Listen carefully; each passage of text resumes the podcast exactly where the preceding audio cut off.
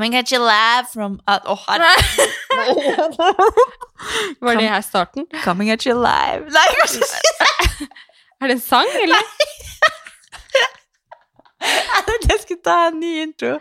Coming get you live. Coming at you live from Oslo, oh, Norway. ja! Vi er direkte inne. Ta du. Vi starter på nytt. Vi er Nei, nei, det var bra, det. Nei. Coming at you live. Oi. Nei, men eh, hallo. Velkommen tilbake Ja, velkommen tilbake til meg. eh, til meg her i stuga. Vi har denne episoden tenkt å ta opp deres problemer som dere har sendt inn til oss. Og det er jo ganske mange forskjellige tema, men jeg tenker vi bare hopper rett i det. Ja. Eller skal vi Nei, målet mitt er bare å ikke puste sånn altfor mye. Vi har lagt merke til at de siste episodene så er jeg veldig tungpusten, så jeg blåser jo. Det høres ut som det er nordavind her inne. Ja, men du vet det, så prøvde jeg å si at du er jo gravid. Ja, men det altså, kan jo være det. Så slitsomt å høre på. Så jeg bare, bare- prøver egentlig kanskje å sitte litt Sånn høres det ut, ikke sant? Ja, men kanskje hvis du sitter litt lenger bak når du ikke prater. Ok, jeg må bare beklage sier sånn- på forhånd. Mens jeg prater. Ja, men seriøst, det høres ut som jeg bare Ja, at det er et eller annet galt Men med meg. siste episode så var det jo et, et, et, litt tungt tema, så det kan jo være at du var litt sånn Litt sånn vanskelig å prate om. At, det var litt, eh, at du var, hadde litt pusten oppi halsen. Det kan jo være det. Det kan være det. Men, uh, vi prøver også til på Ja. ja, still going strong. Vi trodde jo egentlig ikke det her kom til å bli noen episode. Nei, nå er du jo rimelig klar for å Full, klekke. fullspekka. Mhm. mm -hmm. Føler du deg bra? Ja, jeg gjør det, altså. Det, er, det verste er at jeg føler meg bedre nå enn det jeg har gjort noen gang. Ja. På en måte. Eller ikke noen gang, men i graviditeten, i hvert fall. Ja, men Så- det er jo helt fantastisk. Ja, jeg tenker det, det er fint. Du Ja. kan være der inne litt til, og så ja, Det sier jeg, og så roper jeg til henne på kvelden at hun kan komme ut. Ja, det blir skikkelig spennende å se. Vi har jo gjetta på når vi tror at hun kommer. Jeg har allerede, allerede feila på det. Ja. Vi får se om Solveig hadde rett. Ja. Det blir spennende. Men uh, det her blir jo kanskje siste episode før du klekker. Det vet vi jo ikke. Nei. Men vi, vi going strong fram til det skjer. Ja. Plutselig får dere vannet som går midt i episoden. Det hadde vært Det hadde vært sykt artig. mm. Da kunne dere vært med på fødsel. Da tar vi bare med mikrofonene Ja! inn i Jeg bare. Andrea, det her er bra content! Gjør det for poden!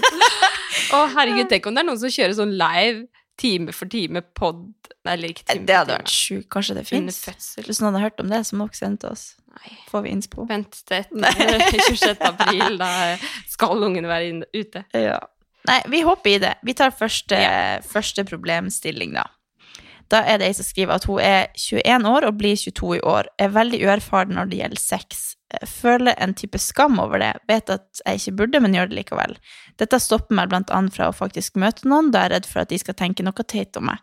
Føler meg også som den, også som den kjedelige i jentegjengen, da jeg ikke har så mye gøy å fortelle om, om gutter osv.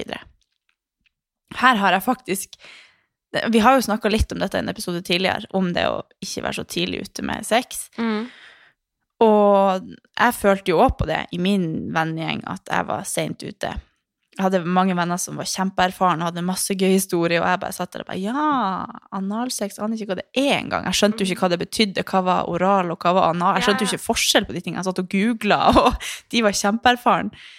Men eh, jeg husker at vi hadde en sånn lek, og jeg bare lata som Jeg tror det var Jeg er aldri, og jeg rekte opp handa og bare lata som at jeg hadde gjort ting for at jeg syntes det var skam. Så jeg skjønner at man kan føle en skam for det, for det er jo på en måte en sånn form for gruppepress hvis ingen andre har det. Men det er jo også en, en kul ting, og en ting man kanskje egentlig burde være stolt av, som jeg skjønner nå i ettertid.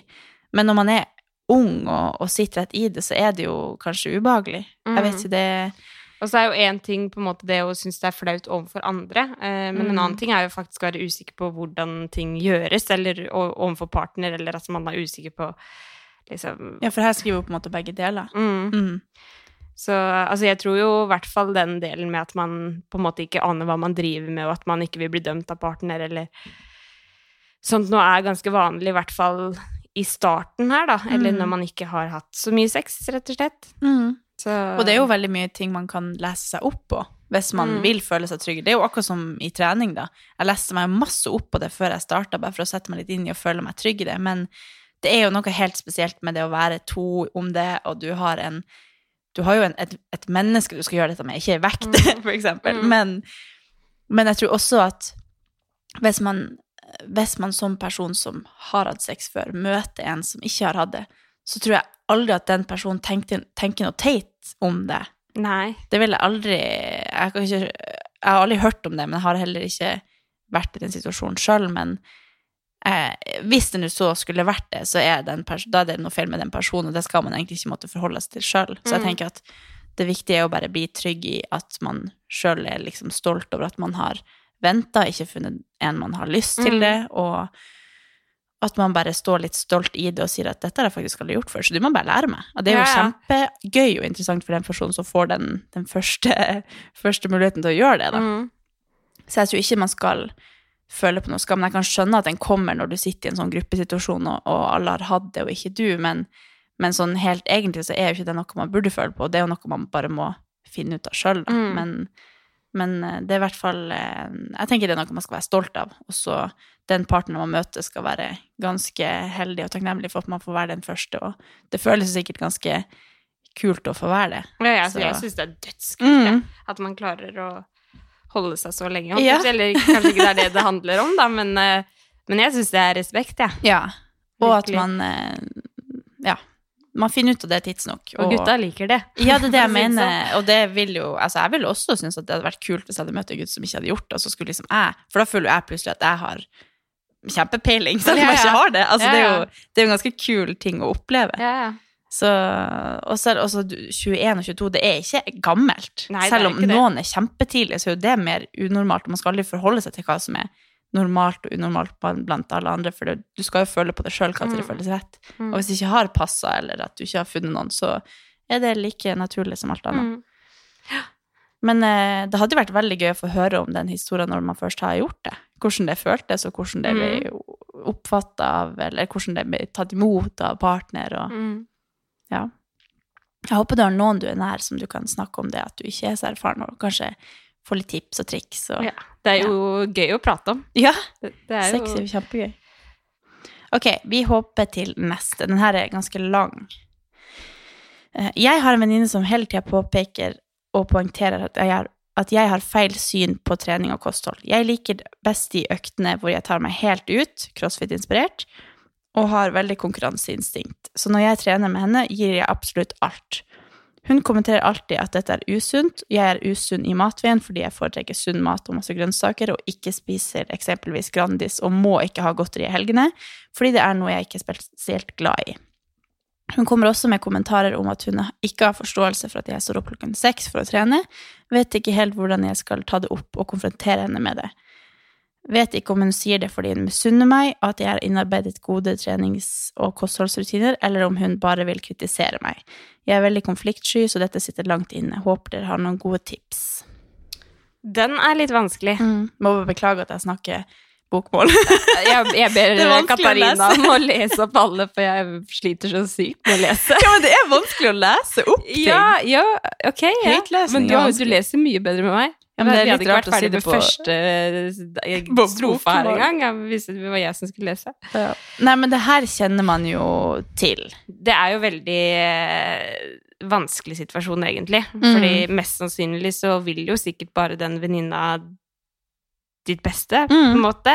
Og så Det kan jo være at i hennes syn så er dette ekstremt, og at hun tenker at du kanskje trenger hjelp, eller vil snakke om det, eller at, at hun kanskje tenker at det, blir altoppslukende, så at du ikke unner deg noe fordi at du kanskje egentlig sitter inne med en sånn dårlig samvittighet, at, men så er det egentlig ikke det for deg. Så det, det er jo Jeg kan jo tenke meg at jeg sikkert hadde sånne venninner jeg drev på å spise sunt, og jeg tenkte jo bare at det jeg drev med, var sunt, og det var det jo for så vidt, det gikk jo fint med meg, men, men det er jo jeg, jeg kan også skjønne den andre sida som sitter og ser på, at den kanskje vil bare vise at Hallo, det du driver med, det, du, du trenger ikke være så streng, eller Men så føles det kanskje egentlig ganske fint for deg å bare være det, for at det er det du liker, og du er ikke så glad i godteri. Så det er jo en ganske vanskelig situasjon, for man, man vil jo bare skjønne hverandre best nok, best mulig, Mm. og være Altså- der for hverandre. Og, Altså, jeg tenker jo at det mm, At det er veldig viktig eh, som venninner å støtte hverandre, da. At, Mm. hvis, eh, at det er viktig at man kan i hvert fall prate om det, og hvis man er sikker eller trygg på det selv, da, at man har et sunt forhold, at man bare trives med den livsstilen, og at man vet at man kan kose seg en gang iblant, at ikke det er noe som er noe farlig her, på en måte, så, så tenker jeg det er viktig at man kan prate om det, og at man kan eh, si fra om at det plager meg, at Mm. du er så passe på meg, jeg har kontroll og stol på det, liksom. Og så, Mm. og så tror jeg ikke det er noe feil å si fra om det. Nei. For det, det kommer jo an Jeg vet ikke hva hun svarer når hun venninna sier noen ting, men det kan jo være fint å bare si sånn Men hvorfor, eh, hvorfor tenker du at det er et problem at jeg ikke spiser Grandis? Jeg syns jo heller det er et problem å spise det, og så følger jeg på mer, og så får, hvis jeg spiser godteri, så vil jeg ha mer av det, eller at det, det bare ikke føles helt rett for henne, for at du har mål du vil oppnå, så passer ikke det med dine mål akkurat nå. Men det er jo Det burde jo være rom for at man kan si Eller spørre hva, hva som egentlig ligger bak de kommentarene, for da kan det jo komme fram at hun egentlig ikke har det så bra, at hun kanskje er misunnelig. Det vet man jo ikke, men det er jo noe som gjerne Altså mat og trening, det opptar jo veldig stor del av hverdagen, og det kan jo igjen oppta ganske stor del av deres vennskap.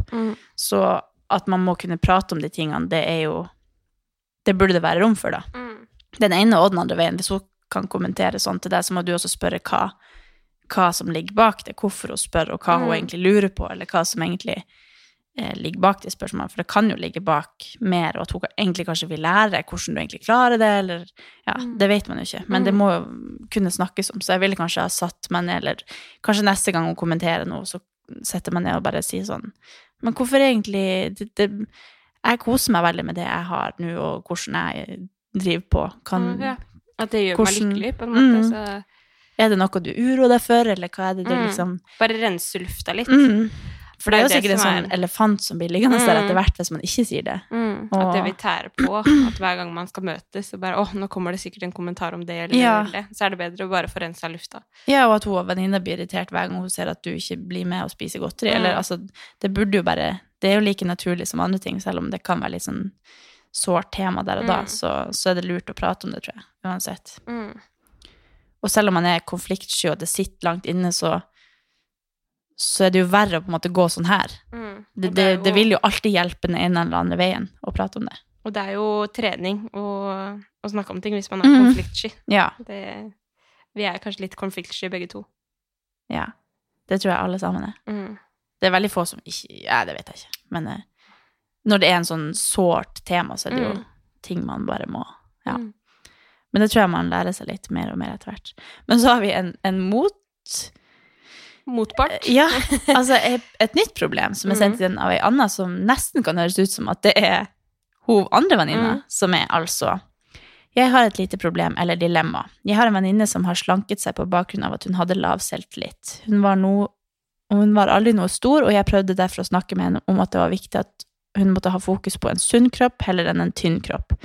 Nå har hun gått ned relativt mye i vekt og melker alle rundt seg for oppmerksomhet angående kroppen hennes. Det er typ alt hun snakker om, og hun deler alle resultater med info om både kilo og centimeter hun har tapt.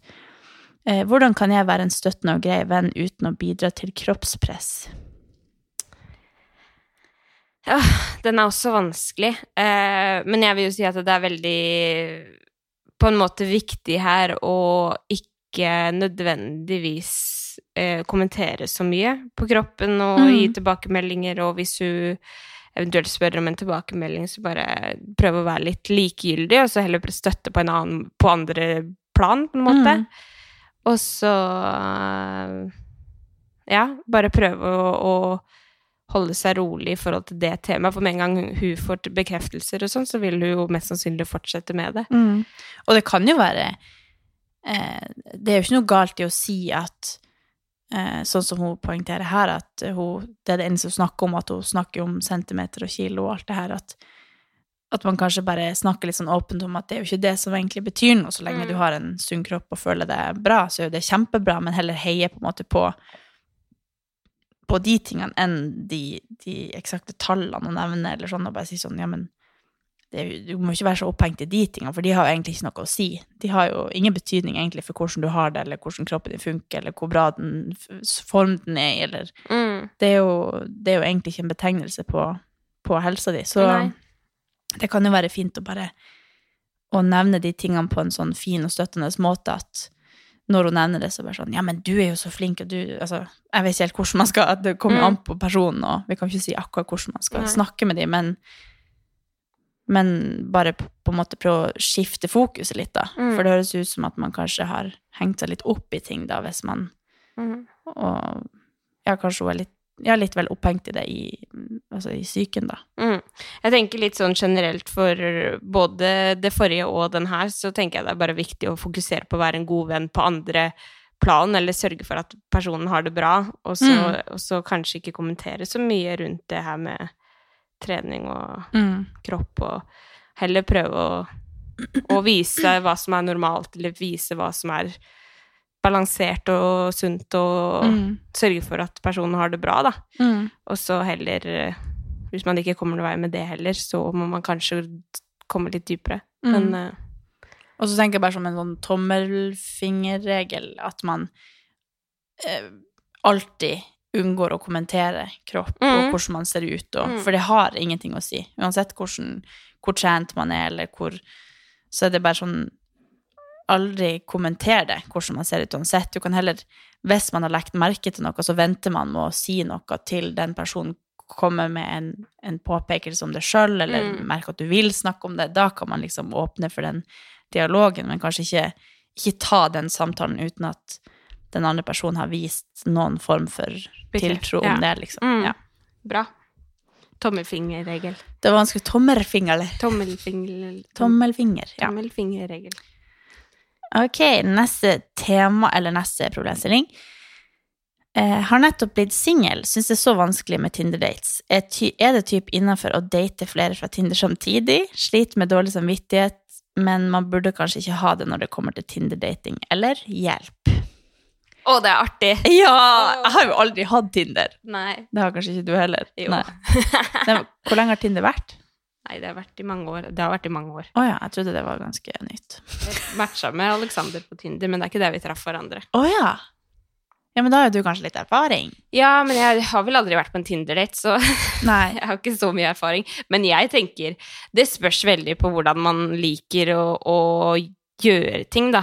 Eh, men jeg føler jo Tinder er veldig sånn er, du på Tinder, så skal du ha det litt gøy, eller? Ja, men, Eller altså, sånn. en, en, en Tinder kan ikke forvente at det her er den første eller siste du er på. Nei. Det er jo helt naturlig at man dater mange, så jeg tenker kjør på. Ja, og jeg Møt tror mange veldig mange gutter kanskje ikke møter bare én person på en, da. Altså, jeg tror Nei, det tror jeg ingen gjør, og man skal i hvert fall ikke ha dårlig samvittighet for det. Og så bare det man trives med selv. Altså trives man med Syns Ja. man det er litt artig å treffe mm. flere, så treff flere. Mm. Syns man det er bare stress når man får dårlig samvittighet, og du bare går rundt med dårlig samvittighet hele tida, så selvfølgelig skal du ikke gjøre det. Nei. Det er jo veldig individuelt. Hvis du har dårlig samvittighet, så er det kanskje en av de du liker litt ekstra godt, da.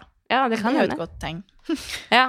Ja. Altså, ut, hvis ikke det, så skal du i hvert fall ikke ha det. Ja. Men eh, ja, hvis man har dårlig samvittighet, så sitter kanskje noe annet litt bak, om man Ja. Ja. Men Nei, det men jeg tenker tenk- jeg bare kjør på. ja, jeg tenker også bare kjør på. Skal jeg ta oss og prøve å lese litt, eller? Ja. eh, tilleggsspørsmål fra en annen, står det her. Men, Ja, det er, en, det er et annet spørsmål Ja. som på en måte passer litt, da. Eh, så da er det jo et spørsmål hvordan møte en ny midt i pandemien. Det her har jeg, har jo snakka med flere venninner om det her, for nå har jo pandemien vart ganske lenge. Ja. Eh, og hvis man nylig har blitt singel, eller eh, kanskje prøver å gå ifra noen, eller uansett, så, så sitter man jo gjerne litt sånn alene på barken etterpå, for at Mm. man bare Du får jo ikke levd livet sånn singel som du kanskje trenger for å få det bra, eller ja. Men det er jo fortsatt mulighet å slide inn i DM-en til folk, eller altså Ja, Du kan jo få et ganske mye større inntrykk av noen på, på Instagram, eller Mm. hvis du møter noen Jeg vet ikke hvor, hvor tøff folk er på det, men hvis du virkelig liker noen og syns at noen er kul, som du møter på, eller Nå møter man ikke så mange, men som du ser da på Instagram, eller Det er kanskje på sosiale medier man klarer å få kontakt nå om dagen, men utenom Tinder og sånn, så, så får du et mye større innblikk i livet til folk, eller inntrykk av hvem de egentlig er, Mm. på f.eks. Instagram. Mm. Så, så jeg tenker send en liten smiley til noen du liker. Ja, altså vær litt synes, tøff. Ja. Det, det, man, man kan ikke bare sitte og forvente at man skal endre livssituasjonen hvis man ikke gjør noe med det. Nei. Og, altså, det er sånn, jeg tenker bare hvorfor Jeg føler veldig ofte så tenker man at nei, det er gutten som skal ta kontakt, og for kan man ikke bare eh, gå etter det du har lyst på, liksom, Ja. og så prøver du poken på Facebook, for eksempel? nei, men altså Det gjør min med meg, Ja. altså. Og så tenker jeg liksom Møte noen også, det er, det er jo veldig greit å Sånn som nå når det går mot lysere tider og finere vær, og Mm. det er jo veldig greit å gå en tur med litt avstand, og Ja. bare Ja. Ja. Og det er jo en fin måte å kanskje bli litt kjent på først, i i stedet for sånn som Det er jo mange som liker å ikke drive og snakke masse på forhånd, men nå har vi kanskje ikke så mye valg hvis vi først skal Eller jo, man kan jo bare gå på dates, men det det er ikke like lett å bare møte på noen i på treningssenter, eller der du liksom har blitt kjent med noen, eller Mm. på fest, eller du får liksom ikke hatt en sånn dialog med noen uansett. Så da må man kanskje snakke litt først, og så bli enige om å gå en tur. Det er jo egentlig veldig bra. Mm. At ikke blir sånn Hva heter du igjen? Ja, det er ikke noe press, Eller- liksom. Ja. Ja, men jeg tenker det egentlig Man må bare starte dialog med folk. Ja, Og så Ja. Ok, neste. Hvordan forholde seg til svigermoren som bare tar energien din. Hun stresser alltid, og jeg føler jeg er i veien. mm. Altså, det her snakka meg og Alexander om her om dagen. Fordi at det, det er ingen av oss som har sånn forhold til svigermor. Altså, vi er litt sånn Han, han syns det er så chill å være med min familie, og Ja. jeg syns det er så chill å være med hans familie. Mm. Jeg har heller ingen erfaring med det, men det, det, det må være ganske eh, altoppslukende når det først skjer, fordi det er liksom den nærmeste personen du er, og så skal mora Mm. til den personen være En byrde, liksom. Ja, eller liksom tar energi. Nå vet vi ikke akkurat hva dette innebærer, og at hun stresser alltid, og at hun føler at hun er i veien, men jeg regner med at det ikke egentlig ligger noe bak, og at man bare føler på de tingene for man kanskje sjøl er litt sånn utilpass, eller Ja. Men jeg skjønner jo kanskje at det, det kan være sånn, mm. liksom. Og mest sannsynlig så vil jo svigermor eh, i dette tilfellet bare det beste og passe mm. på at det er fint og ryddig og liksom Mm. At man har kontroll på ting. Men jeg skjønner jo også at det kan være sykt stressende. Em, men eh, hvordan man skal forholde seg til det, er jo litt sånn Altså, jeg tenker jo alltid at det er en løsning å snakke om ting. Og hvis det er sånn Mm. at man alltid skal bli fly forbanna fordi svigermor ringer på, eller ringer på telefonen og tar opp hele kvelden, liksom, så, så ville jeg jo sagt ifra, Mm. egentlig. Og så på en ordentlig måte, bare. Ja, eller snakke med kjæresten din da, og si bare sånn Sorry, men det er litt mye Nå vet vi ikke akkurat hva det vil si at hun tar energien, om det er liksom at hun er slem, eller om hun stresser Altså hva det akkurat innebærer, men, men å kanskje snakke med kjæresten din da, som du er litt trygg på, så kanskje kan den personen snakke med henne. For jeg ser for meg hvis, hvis mamma det ville vært dette for min samboer, da, så kunne jo han sagt det til meg, så kunne jeg dropp, droppa et par sånne frø, sånn at hun kanskje skjønner det, Mm. uten å måtte si at hei, han syns at det Men jeg kan si at du må bare For eksempel, han liker å være alene og trenger ikke å stresse med at han Mm. Ja, eller bare sånn Ja. småting som Mm. gjør at man kanskje finner litt ut av det, for at hun De er jo kanskje bare veldig forskjellige, Mm. og at de er en litt mismatch, og så er det jo Ja, det er jo ikke så lett å forholde seg til, men kanskje prøve å ta den liksom den vei. Og så Mm. tenker jeg at mest sannsynlig så vil hun nok bare gjøre alle til lag, så at hun vil at man skal kose seg, og Mm. at det er liksom mye men, men det er jo Du har jo ikke blitt i lag med kjæresten din for at du skal bli i lag med mora òg. Det kan jo være at de er veldig forskjellige, men, Ja, ja. men det må man jo nesten bare deale med. Og så Mm. bare sluke litt eh, sluk, Nei, sluke noen kameler. Ja. Ja. Svelge noen kameler. Sluke noen bønner. Ok, og så er det neste. Eh, bedre å ta en tattis og digge den i 15-20 år, eller droppe den for å aldri angre seg? Faen, jeg tenker kjør på, jeg. Kjør på. Hvorfor skal man alltid tenke at det er så mye konsekvenser med ting? Nei, men man kan jo ikke angre på noen ting som føltes bra der og da. Nei, og hvis den har føltes bra i 15-20 år, så er jo det halve livet Eller Ja. det, ikke halve livet, det var altfor mye Men det er jo Jo, men jeg tenker kjør på. Ja. Altså, Kjør når du på! er gammel, så er du det bare Det er jo gøy historie. Ja. Det er jo gøy å se tilbake. Bare ei det. Ja. Ok, hvordan skal man opptre, og hva skal man si til en nær venn som har mistet en som sto de nær? Mm. Jeg mist... Nei, jeg hadde jo ei venninne på ungdomsskolen Nei, videregående, som mista mammaen sin. Og det, da var jo jeg hennes, en av hennes nærmeste, da. Og nå husker ikke jeg akkurat hvordan jeg opptrådte da, men Men jeg tror jo at det viktigste kan være å bare ikke tenke at du kan hjelpe, for det er uansett veldig tungt for den personen. Men det er jo bare det å kanskje gråte i lammet, sitte i lammet og snakke, bare vise at man er der. Mm.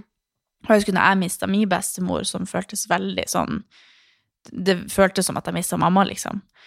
Og da kom mine venner bare med noe sjokolade og noe kakao og en kopp og noe lester, et eller annet sånt, som bare viste Vis- liksom varme, Ja, og bare visste at man er der, du kan være med oss hva du vil, og om du vil være lei deg, så det er greit. Og, og bare ikke tenke at man skal Det er ikke din oppgave å gjøre det bedre, for det kommer du ikke til å kunne uansett, for det er uansett veldig trist. Så jeg tror bare det å vise at man man er åpen for at man kan gråte, og at man Så så vi hadde jo Da var jo vi veldig sånn Jeg tror vi var rusta, eller vi var liksom ungdommer, eller Og jeg husker at jeg syntes det var litt sånn kleint at jeg skulle være så lei meg. Fordi vi hadde jo Ja, ja. ikke den, den, det forholdet, på en måte.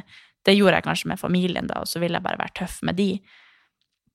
Men det betydde veldig mye for meg at de også visste at Viste at de var her. vi skjønner at du er lei deg, og det er liksom helt greit. Mm. Så jeg tror um, det må bare være det og, å bare være i lag og ikke prate, kanskje. Bare Mm. sitte og Hvis den personen vil prate om noe, så prater du med den med om det, og så bare vise at man er der, og Mm. kanskje ikke trenge seg på eller føle at man er for lite eller for mye. Bare Mm. vise åpne armer, og så Mm. Og så trå kanskje litt sånn varsomt å si at hvis, hvis du vil få hodet over på noe annet, så kan vi gjøre det eller det, Mm. eller gå en tur, eller stikke og spille bowling, eller mm. liksom finne på noe, da, som Mm. kanskje kan gjøre at fokus, eller at hodet går, kommer over på andre ting. Mm. Men helt i starten så kommer ting til å være kjempetøft uansett, Ja. så da er det ikke noe Da må man bare stå litt i det, Mm. og så vise at man Ja, det er kjempetrist, og det er liksom Ja. Bra svar. Um, råd for å ikke sammenligne seg med andre og være fornøyd der man er kommet med den man er. Hmm, dette har vi jo snakka litt om sånn gjennomgående, tror jeg. Ja. Men spesifikke råd eh, Bare ikke gjør det. Nei. det er ganske vanskelig, fordi hele livet vårt er jo basert på at vi er i flokk, og vi er med folk, og vi skal passe inn, og Så man må jo bare eh, Ja, det kommer til å dukke opp eh, tids... Altså tilfeller der man sammenligner seg med folk uansett, men så må man kanskje stå litt støtt i at mm, altså lære seg at det er ingen som er som meg. Det er ingen, jeg kan ikke være som de heller. Det er ingen som kan ha hele min historie og alt jeg har opplevd og erfart, og mine gener. Det er jo ingen som har akkurat det samme. Så da kan ikke jeg få akkurat det samme som en annen heller. Jeg liker å tenke sånn at, at man har kommet eh, til verden for å være den man er, eller sånn Mm. at man, man har sin oppgave her i livet. At det, Mm. i en vennegjeng eller i eh, familie så er man på en måte den personen, Mm. og det er på en måte det du kan bidra med. Mm. Det hjelper meg i hvert fall veldig med å tenke at For å ikke sammenligne seg med andre, da, eller Mm. tenke at eh, jeg kunne ønske jeg var sånn eller sånn eller sånn, så tenker jeg heller at herregud, men hun er jo ikke sånn eller sånn. eller sånn de gode tinga som Mm. man selv har, da. Mm. Og jeg tror jo man formes av det som man er interessert i, og det som får en til å føle seg bra, og, og det Bare fortsett med det, så er man jo Mm. på en måte Ja. Og så kunne jeg tenkt at jeg må liksom Det kommer alltid til å være folk der, og jeg kommer alltid til å sammenligne meg med de, eller se hva andre gjør, eller jeg blir satt i situasjoner hvor andre kanskje gjør det bedre uansett sånn. Eh, og det å på en måte lære meg at jeg kan ikke sammenligne meg med de, men jeg kan inspireres av de, og det føles alltid bedre for meg å heie det opp Mm. enn å kanskje se på det som mer litt sånn sjalusi, Ja. øy, sjalu, Ja. sjalu øyne mm. Så føler jeg liksom at hvis jeg ser på det og heier på det og tenker faen hvor rå hun er, sånn må jeg også bli, i stedet for å tenke faen hvorfor er ikke jeg sånn som hun? At man liksom vrir det litt, da. Mm. Men, men det tar jo litt jobb. Det har jo, jeg har brukt jævlig lang tid på det. Fordi Ja, ja. i utgangspunkt Eller ja, bare prøver liksom å tenke at hun er kul, sånn må jeg også bli. Mm. Og at man liksom da, da bruker man heller den energien på å bygge seg selv opp og gjøre noe godt ut av det. Mm. Fordi det kommer alltid til å være sånne folk som er bedre. Mm. Og så sammenligner man seg med de, og så kan man se på hva man sjøl har å bidra med, som man kanskje kan bygge på for å få de tingene som den personen har, som du kanskje vil ha, hvis du sammenligner deg og føler deg Mm. dårlig. Mm. For hvis man sammenligner seg og føler seg bra, så er jo ikke det noe problem. Men, Nei, nei. men det er jo hvis man føler seg dårlig, så kan det jo bli en negativ spiral, da, som, som jeg har i hvert fall jobba jævlig mye med å bare Mm. snu det til å se heller hvor, Mm. kult det er, og så heller inspireres av det, da. Jeg syns også det er veldig deilig å bare sitte, sette meg ned og bare reflektere over liksom alt man har, Mm. og alt man har oppnådd, på en måte. At man tar Mhm. seg tid til å tenke på det. For det, det med å være fornøyd der man har kommet også, er jo veldig viktig. Mm. Liksom se tilbake på for to-tre år siden, når man holdt på med det og det og det, og så Mm. var egentlig målet ditt å komme og gjøre det eller det, eller komme dit du er i dag, og så Mm. sitter du der, og så er du ikke fornøyd med det heller, fordi du har et nytt mål, eller du skulle, du skulle gjøre sånn som hun eller han, eller ja. Mm. Men det tror jeg er veldig sånn treningssak og modningssak, Ja. at etter hvert som man blir eldre, så skjønner man Mm. litt det. Og fem år frem i tid så vil ikke jeg sitte nå og alltid ha følt at jeg ikke var bra nok, Nei, nei. eller at jeg alltid har sammenlignet meg med folk og ikke føler at det jeg gjør er bra nok, eller ja. Det må man bare lære seg å, å jobbe med, og, og kanskje hver gang det dukker opp en sånn tanke, bare jobbe litt med bare, hva er det egentlig jeg tenker, hvorfor er jeg så, altså bare gruble litt på egne, Mm. hvorfor man egentlig tenker som man gjør, Mm. og så sette seg opp en liten tanke om det og, og endre på det, da. Mm. For den jobben må man gjøre i hodet. Ja. Jeg ta neste? Ja. Når man ønsker å komme helt over en, og man har hatt mange år på å komme seg Nei. Og man har hatt mange år på seg å gå videre, men ikke klarer det. Tips? Rebound! Bare pul? Nei. Åh, den er jo litt vanskelig. Det kommer jo helt an på hvis det er et brudd. Det regner jo med at det kanskje er et Mm. eh, Så tenker jeg jo at det, er jævlig dårlig med kjærlighetssorg og sånn. Men, eh, men um, Jeg tenker kanskje at her også så, så bruker man den Kanskje hun bruker den personen som et utgangspunkt i hva hun egentlig ville ha, og så ble det kanskje slutt, og så ville ikke hun det, eller hun vet kanskje ikke fortsatt hva som er grunnen til det, eller Vi vet jo som sagt ikke heller hva som ligger bak her, men hvis det er det at man fortsatt sitter igjen og har spørsmål, og altså uansett, så kan man jo det er kanskje litt eh, vanskelig å, å sende melding og være sånn Hva var egentlig greia? Men jeg tror jo at Ja, øh, hvis man ikke tror at det er en sjanse for at det kan skje igjen, så må man kanskje bare lukke den og jobbe med det på egen hånd og finne Mm. ut hva er det egentlig jeg lurer på, eller hva er det som gjør at den personen fortsatt sitter i tankene mine, og at jeg sammenligner den personen med alle andre jeg møter, og ser bare de dårlige tingene som den ikke hadde, eller at man kanskje bare må lukke den Det er et veldig vanskelig spørsmål. Ja, og så tenker jeg også eh, at det kan være viktig å, å ikke tenke på den personen som løsningen for at man skal ha det bra. Mm. At ikke han, hun, er nøkkelen til eh, din egen lykke, da. Mm. For det er jo ofte det, sånn det blir i et forhold, at man Mm. Herregud, hadde Tom gjort slutt, så hadde jeg vært helt knust, på en måte. Men at man da kan prøve å snu om tankene til at at man selv er nø- nøkkelen til at man skal ha det bra, da. Mm. Og så heller prøve å kose seg med å være singel og kose seg i eget selskap og på en måte, sånn som du sa, bare lukke den døra, da. Mm. For det kan jo hende, som du sier, at det var et ganske smart uh, syn på det. Yeah. Fordi jeg tror kanskje at hun da sitter Eller kanskje hun var i det forholdet som litt sånn uselvstendig, og så plutselig ble det jo slutt, og så sitter hun igjen og bare Hvem er jeg nå, da? Ja. At da blir det jo veldig sånn altoppslukende. Men kanskje man kan se tilbake på den tida og bare tenke sånn Shit, jeg var faktisk ikke helt meg sjøl. Det var ikke den personen jeg er nå, som var i lag med han da. Mm. Eller hun. Jeg vet ikke om det er Men. At det At man kanskje ser på det som en annen person enn det man er nå, for nå har hun kommet videre, hun er en helt annen plass i livet, og jeg kan jo se tilbake på bare det, det forholdet jeg er i nå, og det forholdet Eller samme forhold som jeg er nå, da, men for fire år siden. Så det er sånn, det der var jo ikke egentlig meg, og det har vi liksom snakka om. Mm. Sånn alle tingene jeg var, eller alle tingene jeg gjorde. Aldri sånn at det blir brukt imot meg nå, fordi at det var en helt annen person, for jeg var så umoden da. Mm. Men nå har jo hun den personen å snakke med, for at de er liksom ikke i samme forhold, men jeg kunne jo kanskje ha sittet igjen nå hvis han hadde gjort meg slutt med meg da, og følt at shit, jeg kunne vært mye bedre, og så får ikke jeg snakke med han om det, og så kommer jeg aldri over han fordi at han gjorde slutt basert på hvem jeg var da.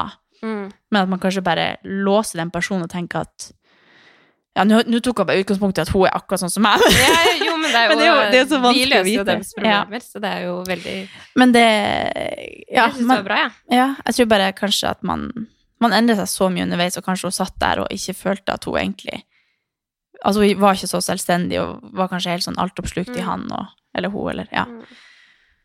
Og at man bare må tenke at det var en helt annen person, jeg er en helt annen plass nå, jeg har erfart så mye mer og vet så mye mer om livet, Mm. Jeg kan ikke bruke mer energi på å, å sitte og dvele med det som skjedde da. Mm.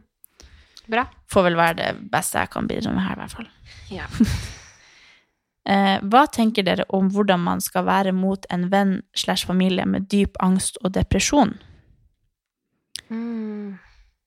Dette har jo egentlig ikke noe med dette å gjøre, men jeg, jeg sa i en episode tidligere at det var så mange som skrev at de ble irritert på eh, når man så andre som var glad. Og så sa jeg sånn Jeg skjønner ikke hvordan ingen kan være det. Ja. jeg sa et sånt, og det må jeg bare trekke tilbake. For jeg følte, når jeg hørte på den i ettertid, så hørte jeg hvordan det hørtes ut. Det er ingen som har sagt noe om det, men jeg hørte på det bare. Det var ikke det jeg mente.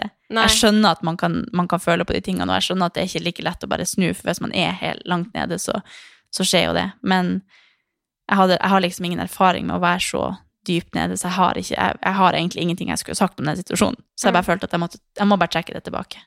Unnskyld hvis jeg sa det. Men tilbake til det her, så Jeg har ingen erfaring med akkurat det, men, men jeg, kan jeg har jo erfaring med å være en ganske lys person, sånn sett i det jeg nettopp sa, da. Mm. Og jeg tror egentlig ikke det kan hjelpe å bare Jeg er jo veldig sånn Ja, men det, da må man bare ta tak i det. Da må, altså, jeg er jo litt sånn som person, men det Og det, men det mener jeg egentlig er en ganske bra egenskap. Altså nå, nå er ikke jeg sånn som sliter med angst eller depresjon, men det å ha deg som venninne som, som når, når jeg er engstelig for et eller annet, da, eller Mm. stresser over et eller annet, så ser jeg bare du er helt rolig og, og på samme måte det å være deg hvis, hvis jeg hadde vært deprimert og sånn, da. Det er umulig å si. Ja, jeg bare liksom tror, at, jeg si, tror jeg det kan være litt vanskelig Jeg ser for meg hvis jeg hadde vært hatt angst og depresjon, og så hadde du vært sånn som jeg er da. Eller du er jo egentlig det litt. Mm. Um, så hadde det sikkert føltes bedre for meg hvis du var litt sånn helt blank og bare bare fortell meg alt du føler, og så skal jeg forstå det. For det prøver jeg alltid å være, selv om Mm. jeg ikke har så lett for å kanskje skjønne hvordan man kan havne så langt nede hvis det ikke har vært noe spesielt som har skjedd, eller sånn. Men det ligger jo Vi har så mange lag til oss at det er Mm. umulig å sammenligne oss, eller Mm. jeg kan aldri sammenligne meg med de historiene, fordi at du har opplevd så mye annet, så jeg kan ikke fatte hvordan du opplever ting. Så, sånn som det jeg sa i den episoden, det, det kan jeg jo egentlig ikke si, fordi at vi er så forskjellige. Mm. Og som venninner så er det Det er jo ganske viktig å bare være helt sånn eh, Jeg prøver i hvert fall, da, når jeg mm, sitter i situasjoner Mm. hvor andre kanskje ikke har det så bra i en situasjon, eller sånn, så Mm. bare prøver jeg å være helt sånn transparent og bare fortelle meg alt du føler på, fordi at jeg skal forstå det, men selv om jeg er på en annen plass, så, så skal du kunne prate med meg om det. Og det er jo bare det er jo bare det å lytte, egentlig, tror jeg, Mm. og, og vise at Vise man, at man er der. Mm. Det er jo um, Ja. Man blir jo veldig sånn eh, Hva skal jeg si? Litt sånn hjelpeløs Mm. når en person som står deg nære, mm, sliter. Men jeg Mm. tenker jo uansett på en måte om, det, om man har mista noen, eller om man har angst eller depresjon eller sånt noe, så tenker jeg aldri man skal opptre som en fagperson, men bare Nei. vise med kjærlighet og vise med trygghet at man er der, og at man kan være en støttespiller, da. Mm. Og snakke og, og Altså, er og noe, men trenge seg litt på. heller, man skal jo heller aldri føle på ansvar for å skulle kunne hjelpe den personen, Nei. for du er ikke fagpersonell, du er en venn som er der for å vise kjærlighet, du er ikke der for å prøve å løse problemene. Og det må man jo også som, som venn, den personen som har angst og depresjon, kanskje, eh, forstå at en venn er ikke der for at du skal kanskje legge alt på og forvente at den skal hjelpe deg, men kanskje på den måten at du har mulighet til å prate med Mm. den om det, og kanskje begge veier at man er litt sånn åpen om at jeg trenger hjelp, hei, jeg er her for å hjelpe deg, med å vise kjærlighet, og så at man får hjelp av Mm. fagpersonell også. Mm. Og det er jo en veldig fin ting som venn å kunne si at å veilede til å, å ta profesjonell hjelp, da. Fordi det er jo det viktigste. Mm. At man snakker med noen som har peiling på hva du Mm. egentlig, hvilke steg du skal ta for å komme deg ut av det. Mm. Så um, det er jo det er jo ganske vanskelig når man først sitter i en sånn og har havna der at du har angst og depresjon, for det, det, det føles jo som et sånn hold sikkert som du ikke klarer helt å, å klamre deg fast i noe bra, Mm. men det fins jo heldigvis folk som har peiling. Mm. Og som venn så vil jeg kanskje ja, bare prøve å være kjærlig og vise at man er helt åpen for at Mm. du kan snakke med meg, og Mm. så legge alt på meg uten å føle at det er en byrde, eller For det er Mm. det jo aldri. Det er jo derfor man er venner og har venner man skal prate med. Så hvis man ikke har det, så er det kanskje ikke en, den rette venn. Mm. Eh, neste. Når er det vanlig å møte kjærestens foreldre? Vi har vært sammen i fire til fem måneder siden januar. Der tenker jeg at hvis det ikke føles riktig å møte familien eh, enda, så gjør man det ikke. Og hvis ikke Mm. Altså, det, det jeg føler man skal ha så sykt respekt for både partneren og for liksom seg selv når det gjelder det her. For det, Mm. eller i hvert fall for, for min del, så tenker jeg at familie i et forhold er sykt viktig. Mm. Og altså, blant annet med kjæresten min nå, så, så helt i starten så sa jeg nei til å være med på et familieselskap. Oh ja, fordi til følte, han? Ja, Mm. fordi jeg følte det var for tidlig. Mm. Ja, men det er det at det, Ja. jeg tror ingenting er vanlig.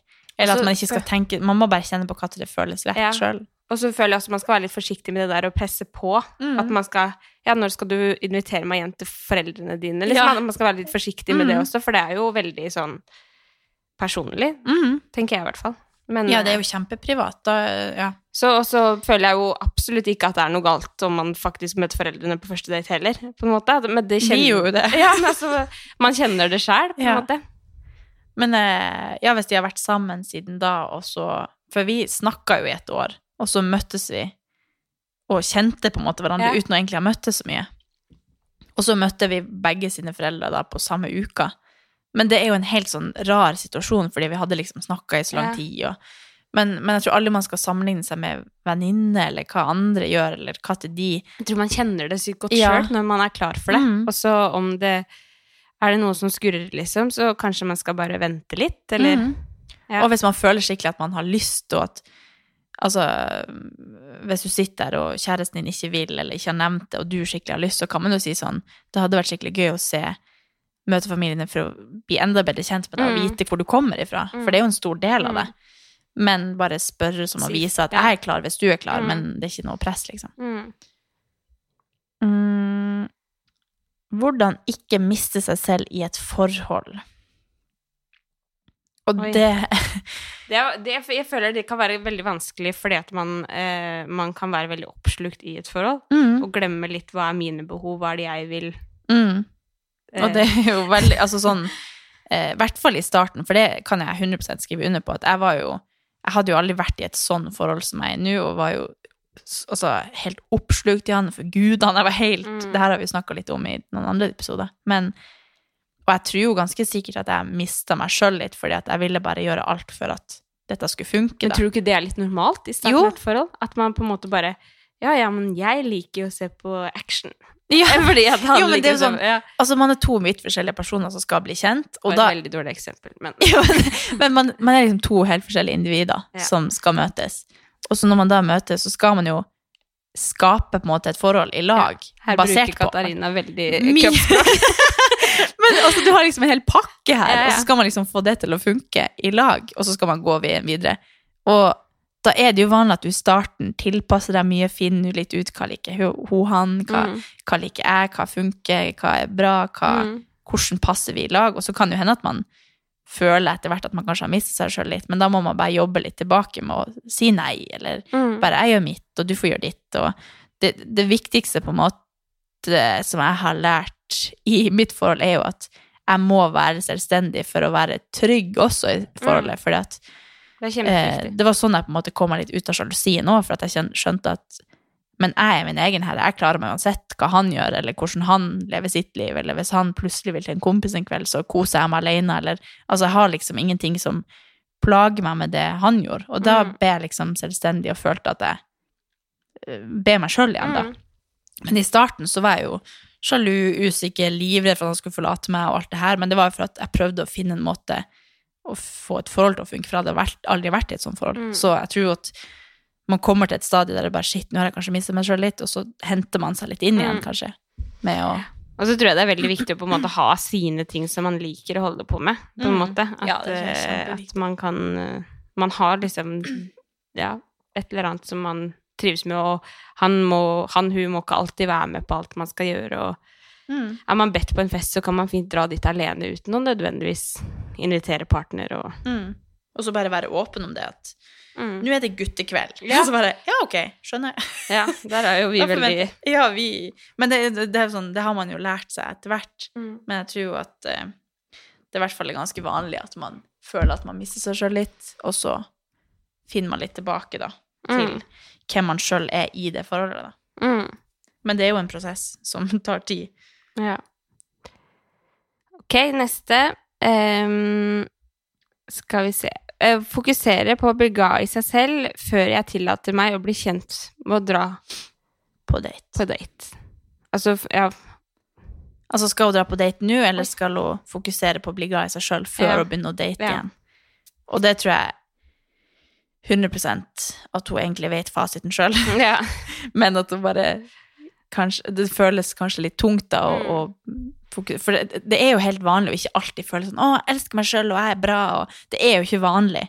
Og du, du skjønner kanskje aldri hva du har hva du kanskje er klar da for å date hvis du har vært i et forhold før og ikke føler deg bra, eller Mm. du har blitt såra, eller du har blitt forlatt, eller uansett, så, så sitter man kanskje og føler seg litt sånn Nå vet ikke jeg hva som skjedde, da, men jeg tror i hvert fall at hvis man fokuserer på det da, i denne perioden, og så heller bare, når det føles rett, dra på date Mm. Jeg tror ikke man skal tenke liksom så mye Du har kanskje hørt mye sånn Nei, men du må jobbe med deg sjøl før du Ja. kan elske noen andre, og Jeg tenker jo at man kan fint, hvis man er i et sunt og fint forhold, så kan man fint bli kanskje enda mer glad i seg selv i et forhold Mm. også, egentlig. At det er ikke nødvendigvis, men jeg skjønner hvis du er sammen med en dritt av Mm. et eh, menneske, så blir det veldig vanskelig å bli glad i seg selv oppi Mm. det, men, eh, men at man eh, Ja. Og så er det jo usikkert å dra på date, kanskje hvis du er litt usikker på deg sjøl, så Ja, er det jo sånn, liksom ekstra sånn at Mm. du føler at jeg er ikke klar for å date. Og så går du inn der og er litt sånn usikker og syns at det er ekstra skummelt, men, mm. men jeg tror at du må egentlig bare kjenne på sjøl hva du vil dra på date, og hvis Mm. du møter eller ser noen eller syns noen er kul, så bare ta den, og så heller Mm. tenke at nå skal jeg gå inn i denne daten og være selvsikker, og heller bare fake it till you make it, og så finner du ut av det etter hvert. Det er jo ikke sånn at du drar på en date, og så er det sånn han her skal jeg, eller hun her skal jeg gifte meg med. Du må bare ja, gjøre det som føles bra. Kanskje det føles bra å dra på date, og at du føler at du ser gode Kanskje den personen er kjempeflink og gir deg komplimenter, og så ser du plutselig masse gode sider ved deg sjøl Mm. som du ikke har sett før, og det er jo kjempegod erfaring å dra på date. Mm. Du blir jo veldig godt kjent med deg sjøl. Mm. Så ja, det som føles best for deg, tror jeg må være svaret. Ja. Hvordan finne styrken til å tørre å si ifra når noen er ugreie Nei, når noen gjør ugreie ting eh, slash er ufin mot andre? Og der tenker jeg bare Si det. Jeg Eh, føler at jeg kan bli så engasjert hvis jeg først ser noe som Ja. liksom engasjerer meg, så sier jeg det bare. Ja. Så tenker jeg ikke så mye konsekvenser, men jeg skjønner jo hvis man er konfliktsky og ikke vet helt hva man skal gjøre eller si, så tror jeg uansett at det kommer til å føles bra å ha sagt det, for Ja. det er det som er trua di, liksom. At du må bare leve opp til det du tror på, og så heller ta den konsekvensen som kommer etterpå, da, hvis du får tilsnakk eller voksen kjeft, eller Ja. at du får noe tilbake, så må man bare Ja, men faen, det her er ikke greit, det du gjør. Mhm. Det, det, det er ikke sånn det skal være. Eller så får det bare bli en krangel ut av det, men jeg ja, jeg det har i hvert fall kjent på det noen ganger når jeg ikke har tørt å si ifra. Det er noe jeg syns ikke er greit i det hele tatt. Så blir jeg sånn Faen, hvorfor sa jeg ikke Ja. noe? Jeg blir alltid sånn, fordi da går tankene Skal jeg si noe, skal jeg ikke si noe? Skal jeg si noe? Så sier jeg ikke noe. Da blir jeg sånn Åh, hvorfor sa jeg ikke noe? Mm. Altså det, men det er jo på en måte Det går en sånn grense for når jeg føler at jeg skal si noe, og når jeg føler jeg ikke skal si noe. Ja. Og alle de gangene som jeg føler at det går en grense hvor jeg egentlig burde si noe, og jeg ikke sier noe, så blir jeg så sur på meg selv. Mm. Så jeg, det, det er Og liksom man må jo liksom kjenne sin plass i en situasjon. Bare sånn, Har jeg egentlig noe med det her å gjøre? Har jeg noe å skulle sagt? Men hvis det er noe som virkelig du brenner for, og du kjenner at det her er ikke greit, og du må sette en stopper for det for at den personen det gjelder, eller hvilken situasjon det er, ikke gjør det sjøl, så, Mm. Så vil tenke alltid at man skal bare være tru til det man tror på, og så heller stå for det, og så Mm. ta det som kommer. mm, For det kommer, jeg tror aldri det føles verre enn å sitte der etterpå og ikke ha sagt noe. Nei. At det er bedre å si noe. Så er det et tips til å utvide vennekretsen. Ja, det er jo nesten litt sånn som dating, kanskje. Ja. Altså, man må bare være åpen, og man ikke, kan ikke forvente at alle skal komme til deg, og du skal bli invitert dit og dit og dit. Man må innse Mm. litt selv og, og vise at man er interessert i å bli kjent, da. Mm. Og nå er det jo kanskje litt vanskelig når ting er nedstengt, og man Det er jo mye sånn der med eh, Når det var åpent for å møte fem, da, og så har du kanskje fire venninner som møtes, eller Altså, det er jo mye sånne ting som gjør at man kanskje vil ha litt flere muligheter, eller Mm. møte noen, men det er jo sånn vi har snakka i en tidligere episode, at eller flere episoder, at man, det er jo ikke like lett å få seg venner når man ikke enten går på skole, eller har en jobb med mange ansatte, eller eh, har mulighet til å være på treningssenter og sånne ting, så det å utvide vennekretsen er jo kanskje ikke like enkelt nå, men jeg tror bare man må være ekstra på, da. Mm. Selv om det kanskje føles litt kleint eller rart, eller Altså, jeg hadde ikke følt det var rart hvis noen skrev til meg og spurte om vi kunne jogge en tur, eller Altså, det, det er jo bare kjempekoselig. Mm. Så jeg tror bare man må innse litt. Mm. Man har jo sikkert mange bekjente man kan ta kontakt med som man ikke er så nær, og så plutselig så utvikler det seg at det blir et nært Mm. forhold. Og så tenker jeg nå i denne situasjonen som vi er i, så er det jo veldig mange måter man kan på en måte gi eh, kjærlighet på andre måter, da, eller Mm. gi en bekreftelse til Hvis du syns en person er litt kul, så kommenter bildet, eller, Mm. eller liksom prøv å bare kommentere story, eller Ja. altså, Nå snakker jeg om Instagram-verdenen, Ja. men liksom, det er jo en måte man holder kontakt på. Mm. Jeg har Halvparten av mine venner her i Oslo er jo Insta-friends. Mm. Så det var jo sånn, så det, selv om det ikke var en pandemi, så ble jeg kjent sånn. Ja, ikke sant? Så ja. Det er jo mange man har kontakt med over eh, internettet. Mm. Um, tips til å holde irritasjon inni seg. Der tenker jeg at det, det er ikke alltid nødvendigvis at, eh, at ting blir så veldig mye bedre om man rager totalt. Nei. Altså, jeg, jeg gjør jo dette hele tida. Ja, jeg òg. Men jeg tror jo at uh, For ofte så føles det bedre å heller bare heve meg over noe, eller tenke at jeg skal ikke la den personen få noen reaksjon av meg, eller Mm. mm, Det kommer jo an på situasjonen, men at man Det føles alltid bedre å være en bra person. Hvis du skjønner, Mm. det føles alltid bedre å være positiv, eller Mm. i stedet for å Og i visse situasjoner så silent speaks. At man kan nesten irritere eller ta igjen ved å bare ikke kommentere Mm. eller holde kjeft. mm, Be the better person. Yeah. Og så er det ikke alltid man skal holde irritasjon inni seg. Sånn som hvis Nei. det er liksom det med at man føler at man burde sagt ifra, eller Mm. Så, så kan man jo også si det, men på en sånn moden måte, da. Mm. Ja. Eh, er ensom fordi familien bor langt unna, vennene mine er mye med kjæresten sin, og jeg er alene. Tips. Oi. Det her tror jeg nok gjelder ganske mange. Ja, i hvert fall sikkert nå. Mm. Og det eh, Jeg tenker, da har du jo mange venner som er med kjæresten sin, og hvis man føler seg alene, og så kan man jo si Hei, trenger ikke du litt alenetid uten kjæresten din? Mm. Midt i, altså, det er veldig mange som kanskje sitter hjemme og bare sånn Faen, hvor irriterende hun eller han er. Og så vil jeg egentlig være med en venn, men så føler man at man trenger seg Trenger på, eller Men jeg tror ikke det, det skader jo ikke å snakke med de vennene om at Shit, alle vennene mine har kjæreste, jeg føler meg litt alene. Det er jo Mm. helt legit. Og Altså- ikke noe feil å spørre om kan vi ta en tur bare vi to. Nei, Liksom, det er Nei, ikke nei. noe feil med det i det hele tatt. det er jo kjempeviktig å ha vennskap òg når man er i et Mm. forhold. Og det tror jeg bare man må Man må bare ta den plassen litt og si at hei, jeg trenger, trenger å være med bare der litt, eller Men Mm. det er nok ganske Det er kjipere å sitte der alene enn å trenge seg på, tenker jeg. Mm. Og så med familie og sånn, bare FaceTime. Masse. Mm. Altså, jeg føler jeg er med familien jeg, når jeg vil FaceTime. Ja. Jeg facer med de hver eneste dag, nesten. Ja, Altså, så det, det hjelper masse. Men det er jo, jeg skjønner jo at når man sitter eh, ja, her mm. hjemme hos seg sjøl, og så ser du liksom at alle, eller ikke ingen tar kontakt, eller så Mm. må man nesten bare ta den sjøl. Mm. Og så tror jeg ikke det hjelper veldig hvis man sitter hjemme alene og tenker på alle andre som har så mye annet å finne på. Mm. Eller at man fokuserer litt mer på å kose seg i eget selskap og, Mm. og sånt. Og. Og logge av sosiale medier. Mm. Fordi ja. det, man har jo ingenting godt viktig. av å sitte og følge med på hva andre gjør når man kanskje ikke føler seg så bra. De gangene jeg føler at jeg er ensom eller eh, føler på en eller annen sånn tung følelse, så er det fordi at jeg har sittet og scrolla. Ja. Hver gang. Og det er veldig deilig å gå seg en tur. Ja, og så bare Ja. ikke ta med telefonen, eller bare skru den i flymodus og bare høre på musikk eller pod, Mm. eller ikke Ja. liksom la sånn eh, akkurat nå aktuelle ting hvor du ser at folk eh, er på påskefjellet og nyter været altså bare uansett hva det kan være som kanskje gir deg en dårlig Ja. følelse, om du sammenligner det eller sånn, så bare ta det bort. Mm. Sett på en podkast Mm. og vask leiligheten, liksom. Mm. Det er så sykt. det er veldig deilig. Her er en artig en. Eh, Er forelska i en på crossfiten som jeg ikke tør å snakke med fordi jeg ikke tror at han er interessert i meg. Har likt han lenge. Hvordan skal jeg gå frem? Spennende! Den er jo spennende. Mhm. Jeg- altså, jeg føler liksom det der eh, livet på, når man er på crossfiten, er så langt unna. Jeg bare, hvordan kan du være på crossfiten? Men det kan jo være at det, det kan jo være at hun Jo, det kan jo være at hun bor en annen plass. Men eh, Jeg nei, vær litt tøff! Men ja! Ja, bare trå frem. Altså, ikke vær redd for å drite Eller for å bli avlyst av, av, Avvist. Avvist. Men han vet jo garantert ikke at du liker han. Nei. Og han blir jo ikke legge merke til det at du liksom sender sånne vibes hvis du ikke gjør det. Nei.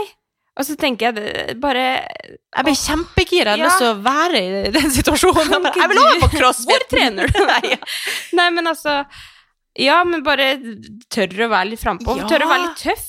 Tenk så Altså, spennende. Ja, bare flørte litt, og så, og så ta det litt med et sånt en klype Ja. salt. Kast litt kalk på han. Ja. ja.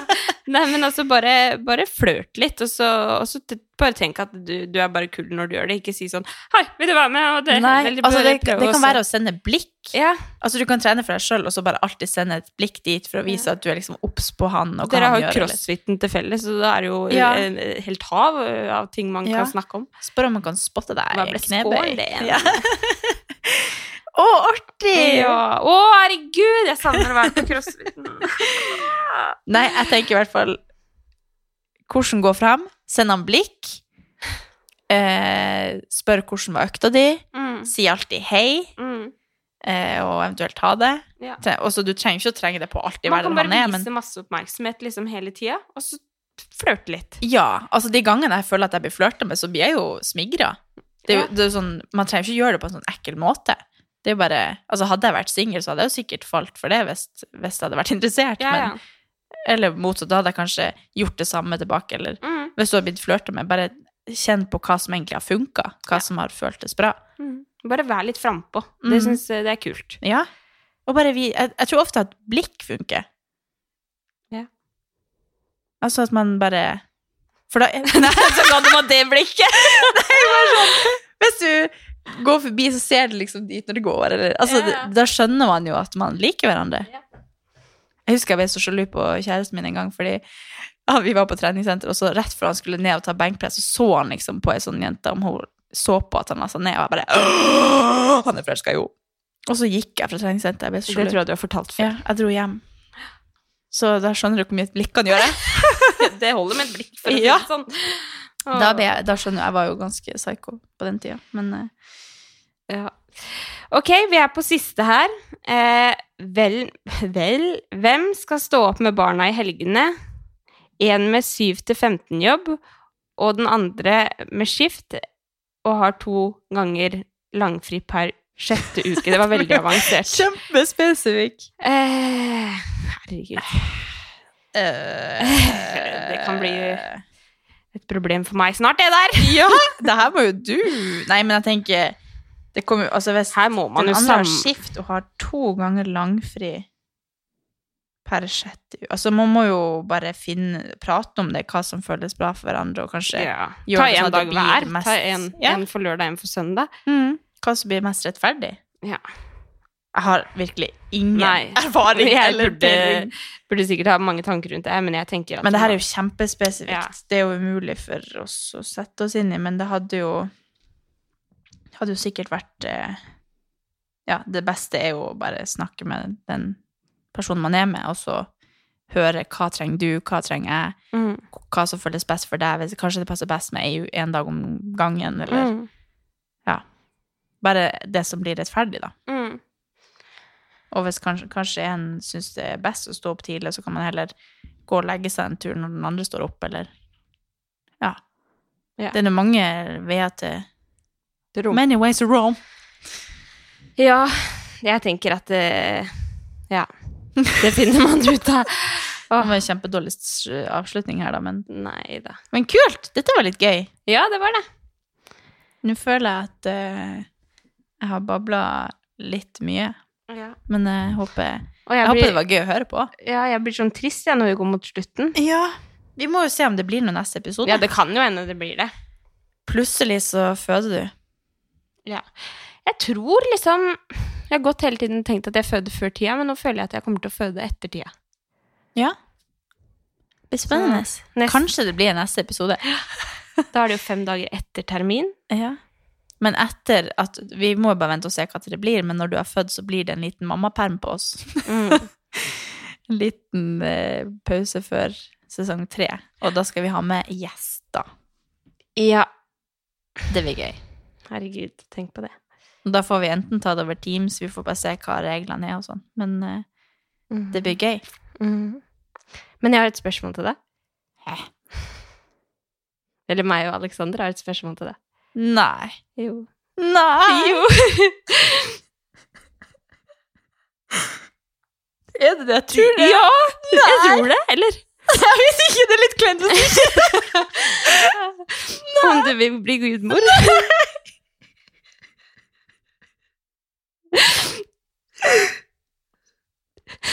oh. Jeg så dette nettopp hjemme. At det er så trist det er ikke er gudmor til noen.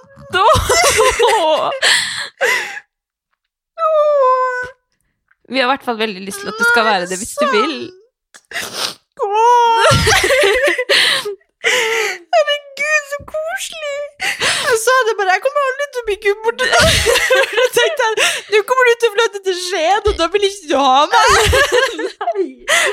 Å, herregud, så koselig. Ja. Å, ja! Jeg ville spørre deg på den. Å, jeg skjelver. Ja. Altså, seriøst, bare ikke mamma. Jeg satt og var kjempelei meg på middagen når jeg snakket om mamma. ja. Oh. Fordi du ikke er gud.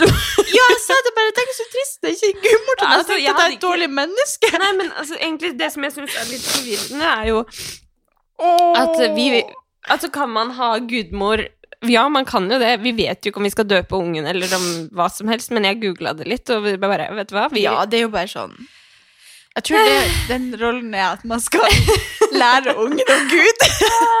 Man skal lære den om kristendommen og hvordan man skal Ja. være.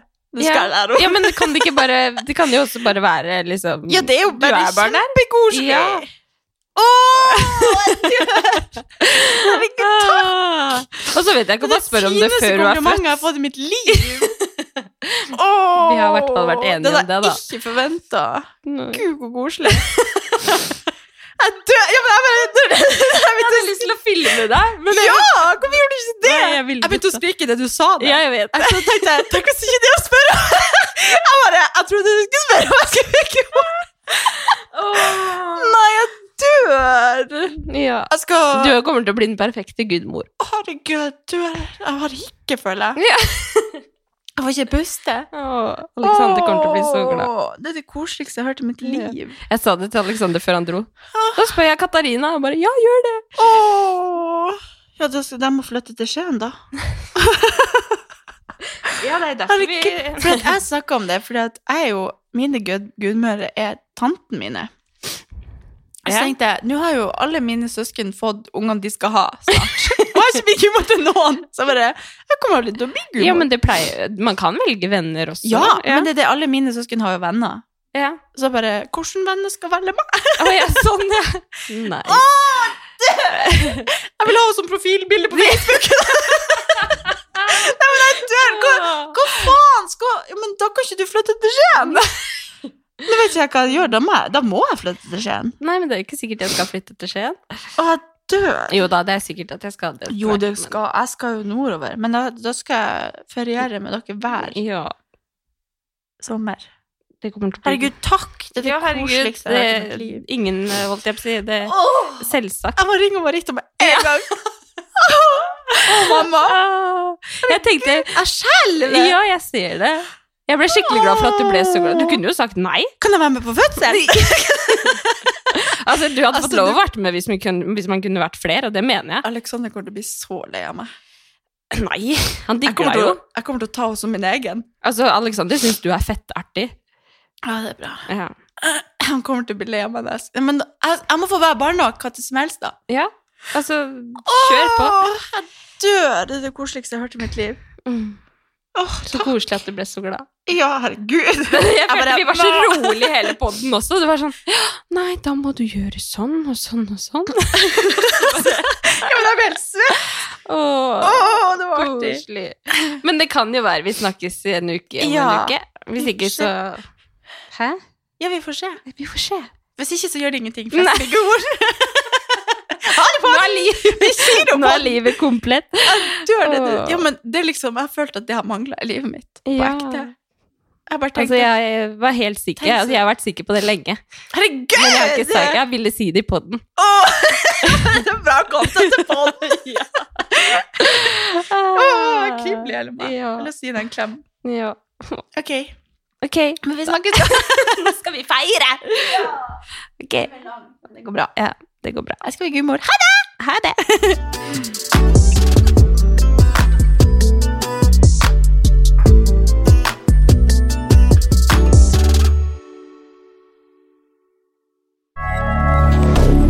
Moderne media.